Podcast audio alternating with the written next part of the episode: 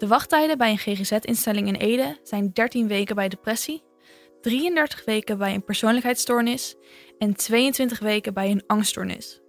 22 weken in angst wachten op hulp. Ik ben Sanne en dit is Kopzorgen. Een podcastserie over de GGZ in Ede. Voor bureau Spotlight doe ik een onderzoek naar de problemen bij de GGZ in Ede. In deze aflevering vertel ik je kort hoe de GGZ werkt en in de afleveringen daarna gaan we het GGZ-traject langs in drie stappen. De huisarts en POH, de wachttijden en de therapie. GGZ staat voor Geestelijke Gezondheidszorg. De GGZ richt zich op het voorkomen, behandelen en het genezen van mensen met een psychische aandoening en verslaving. Ook vangt de GGZ mensen op die ernstig verward zijn. Daarbij bieden ze verschillende soorten hulp. Regelmatige gesprekken, ook wel polyklinische of ambulante hulp genoemd, behandeling in deeltijd, intensieve zorg tijdens een opname en acute opname. De organisatie van de GGZ is opgedeeld in verschillende lagen.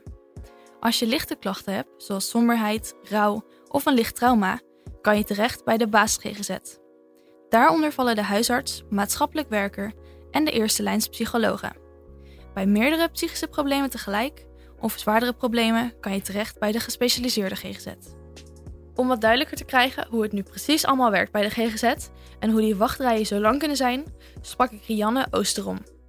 Rianne is journalist bij Trouw en doet al drie jaar onderzoek naar de GGZ. Zij heeft dus een goed beeld van hoe de GGZ werkt.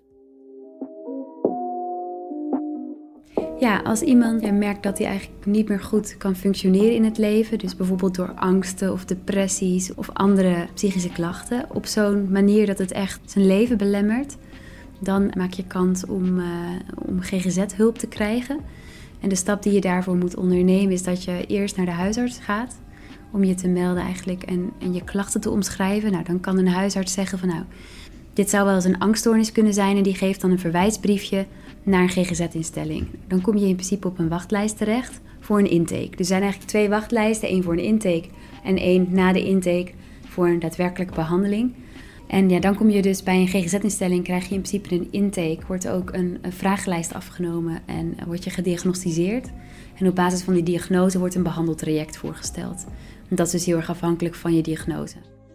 Oké, nu is het wel een stuk duidelijker hoe het traject eruit ziet. Maar waar zitten nou precies de problemen? Ik denk bij personeelstekorten, bij uh, te lange wachttijden en eigenlijk het, dat het niet lukt om die op te lossen, want daar is echt al meer dan twee jaar heel veel geëmmer over. Um, ik denk ook wel wat voortkomt uit uh, die personeelstekorten, uh, geweldsincidenten. Ook door een veranderde patiëntengroep. En nou ja, dat alles komt weer een beetje voort uit die, uh, nou ja, de, de verandering in de geestelijke gezondheidszorg, de ambulantisering, die eigenlijk niet zo goed op gang is gekomen. Ambulantisering? Wat houdt dat in? Nou, een aantal jaar geleden is, uh, is er eigenlijk bedacht dat de GGZ anders ingericht zou moeten worden. Dus waar vroeger mensen vaak werden opgenomen in een kliniek, worden mensen nu veel vaker thuis behandeld. En dat heet de ambulantisering. En uh, het Trimbos Instituut, daar heb je misschien wel van gehoord. Het Trimbos Instituut is een instituut wat onderzoek doet naar verslaving en psychische problemen. Daarnaast ontwikkelen ze behandelingen en stellen ze de overheid op de hoogte van de problemen die spelen met betrekking tot die onderwerpen. Die hebben elk jaar een, uh, soort overzicht van hoe die ambulantisering, uh, of dat nou lukt of niet. En elk jaar is eigenlijk weer hetzelfde verhaal van het is nog niet genoeg opgebouwd. Dat zorgt dus voor een soort gat. Want mensen kunnen dus niet meer zo snel worden opge opgenomen. Maar thuis behandelen, dat is de AM nog niet op sterkte eigenlijk. Dus dat zorgt gewoon voor problemen. Er zit dus een soort gat in de geestelijke gezondheidszorg. Hoe gaan artsen en psychologen met dit gat om? En wat zijn de gevolgen voor de cliënten? Psycholoog Monique Harskamp is vrijgevestigde psycholoog in Ede. En zij kan mij hier vast meer over vertellen als huisarts sta ik ook in een hoek van als iemand naar bij komt die echt heel erg depressief is. En met behandeling gebaat staat, maar die moet eerst een wachtlijst van, van acht maanden. Maar ondertussen, ja, weet je, je hebt een baan, um, vaak een gezin en dan moet je iets. Dan is medicatie, uh, ja, kan een oplossing zijn. Maar die medicatie, dat is toch niet per se een negatief gevolg? Nou ja, de bijwerkingen zijn gewoon heel erg heftig. En wat ook, als je eenmaal aan de antidepressiva zit, dan gaat het leven beter, kom je in therapie. Dan zou het op een moment kunnen zijn dat je daarmee moet stoppen. Maar dan heb je eigenlijk een tweede probleem, want dat stoppen is heel moeilijk. Je krijgt heel veel onttrekkingsverschijnselen, heel veel ja, ontwenningsverschijnselen, afkikverschijnselen. Dat is echt heel zwaar. Dus ja, veel mensen blijven slikken omdat de stoppen gewoon niet meer lukt. Oké, dus dat maakt de situatie nog gecompliceerder. Dit is iets waar ik later nog wat dieper op in wil gaan. Laten we nu eerst kijken naar de financiële kant. Therapie kost natuurlijk geld. Maar hoe zit het precies? Nou, als je basisverzekerd bent, uh, dan kan je naar de huisarts. En dan kan je of naar de PLHG gezet, of je krijgt een verwijzing. En als je geen aanvullende verzekering hebt, ja, of je gaat naar een psycholoog, maar dan moet je het zelf betalen. Maar dat kan. Het zijn, het ik, nou, denk dat de helft van mijn klanten zelf gewoon zelf betaalt. Die zegt gewoon, ik wil snel geholpen worden, het moet snel opgelost worden. En, nou ja, en dat lukt dan ook wel. Therapie kan dus worden vergoed via een zorgverzekering. Maar er worden wel eisen gesteld aan de vorm van behandeling. Zodra een behandeling niet medisch is, wordt deze niet vergoed. Een behandeling is medisch op het moment dat een huisarts een diagnose heeft gesteld.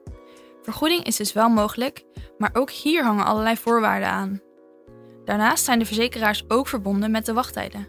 Verzekeraars en instellingen praten vaak met elkaar over de wachttijden, maar dit leidt niet tot concrete resultaten. Daarnaast kwam uit een onderzoek van de NZA, de Nederlandse Zorgautoriteit, het zelfstandige bestuursorgaan dat toezicht houdt op de zorgmarkt in Nederland, dat de helft van de onderzochte verzekeraars niet goed bijhouden hoe de wachttijden zich ontwikkelen. Daardoor is het ook moeilijk om er iets aan te doen. Dit is dus ook een aspect van de problemen in de GGZ. Het is allemaal erg ingewikkeld en daarom is het zo belangrijk dat er meer duidelijkheid over komt. In de volgende podcast duiken we in de eerste stap van het zorgtraject: de huisarts en POA. Maar hiervoor heb ik uw hulp nodig. Heeft u ervaring met GGZ in Ede en omgeving en wilt u hier mogelijk anoniem over vertellen? Stuur dan een mailtje naar Bureau Spotlight. bureau@bureauspotlight.nl. Dit was Kopzorgen, een podcast gemaakt door mij, René, Roosmarijn en Ari.